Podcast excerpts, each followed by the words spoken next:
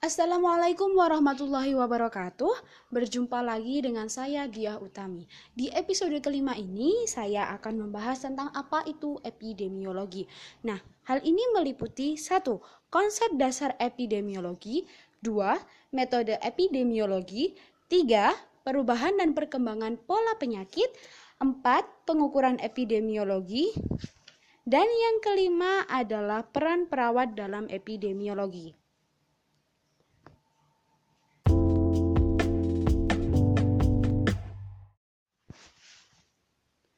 Baik, yang pertama adalah konsep dasar epidemiologi.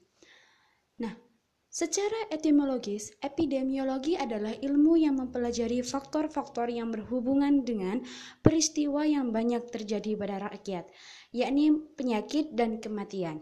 Menurut Profesor Dr. Nur Nasrin Nur, MPH pada 2008, epidemiologi adalah suatu cabang ilmu kesehatan untuk menganalisis sifat dan penyebaran berbagai masalah kesehatan dalam suatu penduduk tertentu serta mempelajari sebab timbulnya masalah dan gangguan kesehatan tersebut untuk tujuan pencegahan maupun penanggulangan. Epidemiologi menggambarkan penyakit secara komprehensif dan dinamis, tidak hanya mencakup wabah tetapi juga antara periode terjadinya wabah secara spontan endemis. Selain itu, juga tingkat kematian, kesakitan, ketidakmampuan, dan status kesehatan masyarakat. Berikut adalah kegunaan epidemiologi. 1. Untuk mempelajari riwayat penyakit. 2. Diagnosis masyarakat. Tiga, mengkaji resiko yang ada pada setiap individu karena mereka dapat mempengaruhi ke kelompok maupun populasi. Yang keempat, pengkajian, evaluasi, dan penelitian. Yang kelima, melengkapi gambaran klinis. Yang keenam, identifikasi sindrom. Dan yang ketujuh adalah menemukan sebab dan sumber penyakit. Yang kedua adalah metode epidemiologi. Pada metode ini terdapat dua, yaitu epidemiologi deskriptif dan epidemiologi analitik. Epidemiologi deskriptif mempelajari tentang jumlah, distribusi, dan perkembangan penyakit, kondisi, cedera, ketidakmampuan, dan tingkat kematian dalam populasi yang meliputi tujuh hal, yaitu satu, what, penyakit ataupun masalah kesehatan apa, who, umur, jenis kelamin, etnis, status kawin, dan pekerjaan, where, lokal, nasional, atau internasional, when, sporadis, endomis, epidemis, dan pandemi, dan why, kenapa ada masalah dan penyakit tersebut.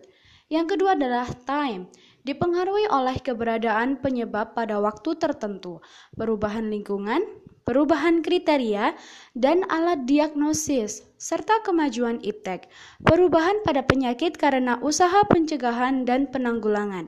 Yang ketiga adalah place, dipengaruhi oleh iklim dan geografi, flora dan fauna, persebaran penduduk, sistem pelayanan kesehatan, agama, dan istiadat.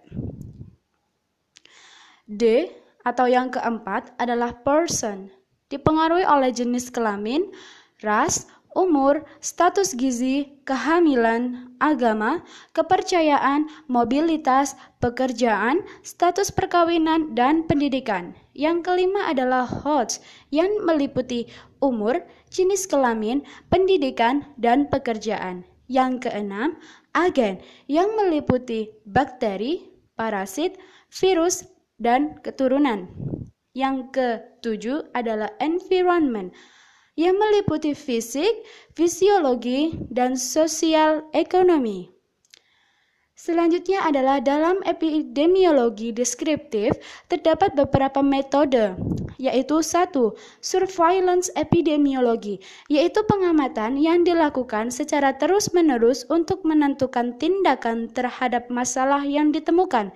Yang kedua adalah screening, yaitu kegiatan untuk mendeteksi dini suatu penyakit atau masalah kesehatan yang secara klinis belum ditegakkan diagnosisnya. Yang ketiga adalah penelitian deskriptif, yaitu studi epidemiologi yang bertujuan menggambarkan masalah kesehatan berdasarkan variabel orang, tempat, dan waktu tanpa mencari faktor-faktor penyebabnya. Yang kemudian adalah epidemiologi analitik, mempelajari faktor-faktor yang menentukan distribusi hubungan sebab akibat masalah kesehatan. Nah, terdapat perbedaan antara epidemiologi deskriptif dan epidemiologi analitik, yaitu pada epidemiologi analitik menganalisis ada atau tidaknya hubungan dengan fenomena kesehatan atau penyakit. Sedangkan pada epidemiologi deskriptif hanya mempelajari timbulnya penyakit dalam masyarakat dan merupakan awal dari penyelidikan epidemiologi lebih lanjut. 3 Perubahan dan perkembangan pola penyakit. Perubahan epidemiologi adalah perubahan pola kesehatan dan pola penyakit yang berinteraksi dengan demografi, ekonomi, dan sosial. Perubahan ini berkaitan dengan transisi demografi dan teknologi seperti penggantian penyakit infeksi ke penyakit yang disebabkan oleh gaya hidup. Hal ini dibuktikan dengan adanya perubahan pola penyakit penyebab kematian tertinggi pada tahun 1960-an, yaitu wabah pneumonia, tuberkulosis, dan diare. Sedangkan antara tahun 1990-an adalah penyakit jantung, neoplasma, dan penyakit otak, bahkan pembuluh darah.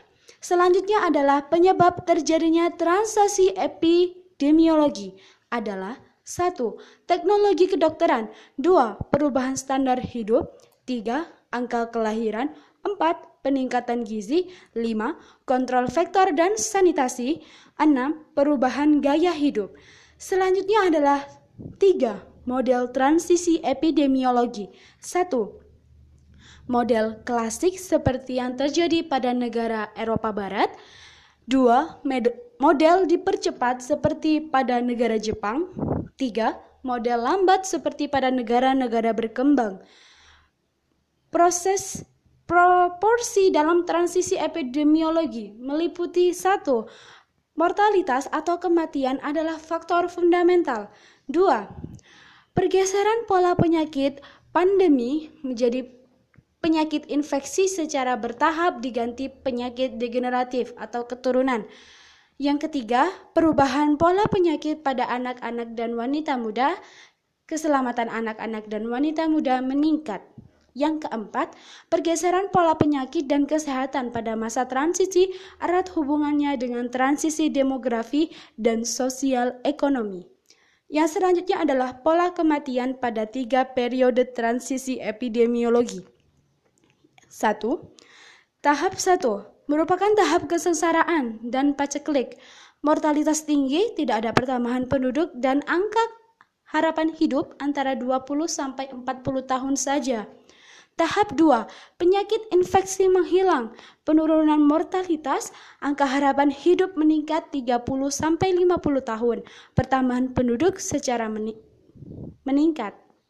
Tahap ketiga, timbulnya penyakit degeneratif. Angka pertumbuhan penduduk tergantung pada angka fertilitas. Selanjutnya adalah perubahan epidemiologi yang lambat dapat memicu ledakan penduduk. Berikut faktor perubahan pada negara-negara berkembang. 1. Faktor ekobiologi 2. Faktor sosial ekonomi, sosial budaya.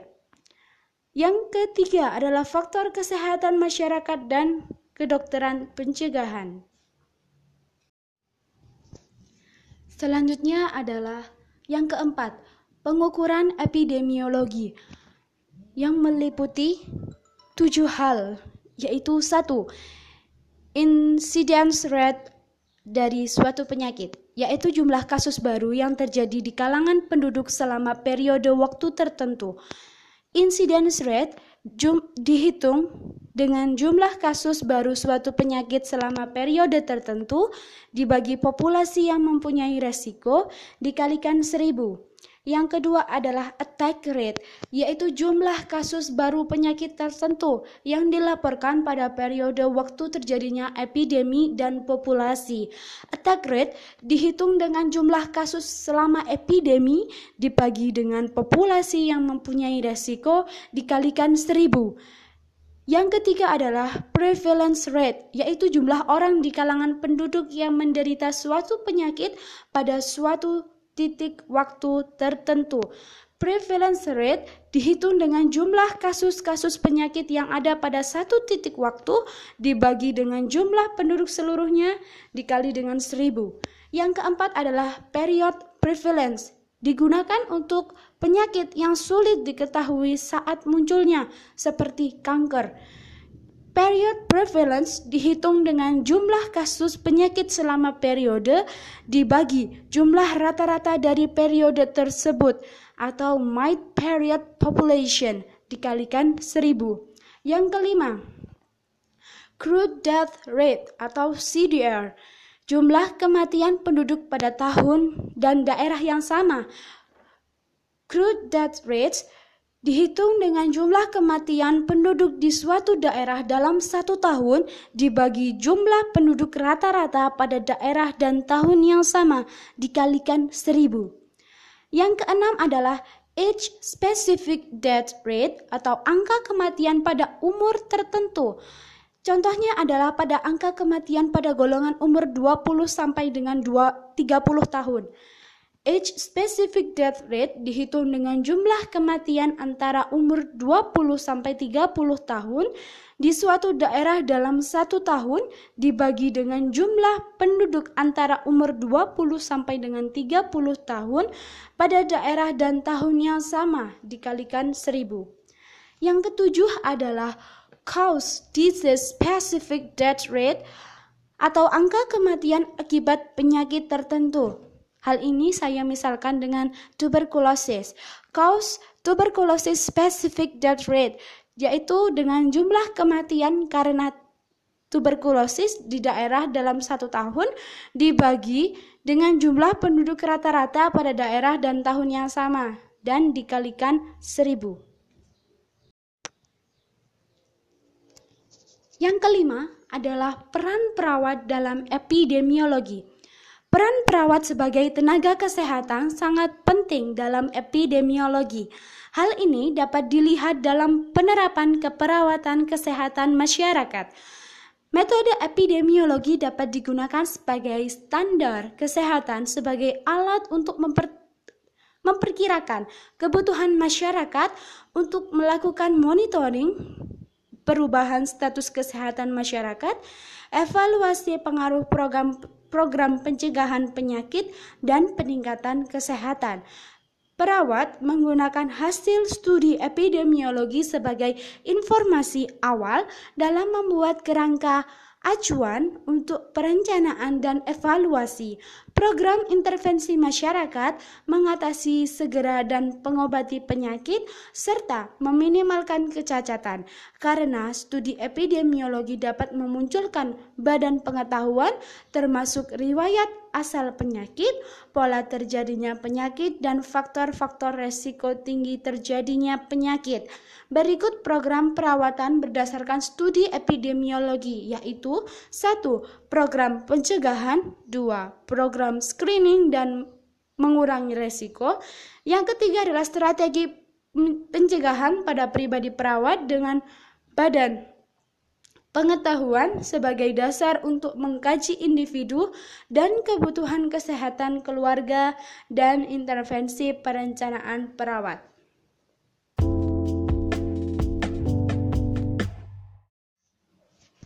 Selanjutnya adalah contoh dan kesimpulan. Contohnya adalah sekarang ini banyak kasus penyakit degeneratif seperti jantung, diabetes, hipertensi, dan lain sebagainya. Hal ini merupakan adanya perubahan pola penyakit dari masa ke masa. Selanjutnya adalah kesimpulan. Epidemiologi merupakan ilmu yang mempelajari penyakit secara komprehensif dan dinamis. Di antaranya adalah wabah, wabah secara spontan endemis tingkat kematian, kesakitan, ketidakmampuan, dan status kesehatan masyarakat. Epidemiologi telah mengalami perubahan dan perkembangan pola penyakit. Dari yang pada masa dahulu, banyak penyakit yang disebabkan karena infeksi bakteri. Namun, sekarang berganti dengan banyaknya penyakit yang disebabkan karena pola gaya hidup dan juga karena faktor keturunan. Sebagai perawat, haruslah berperan dalam program pencegahan, program screening, dan mengurangi resiko. Baik, sekian yang dapat saya sampaikan. Terima kasih dan wassalamualaikum warahmatullahi wabarakatuh.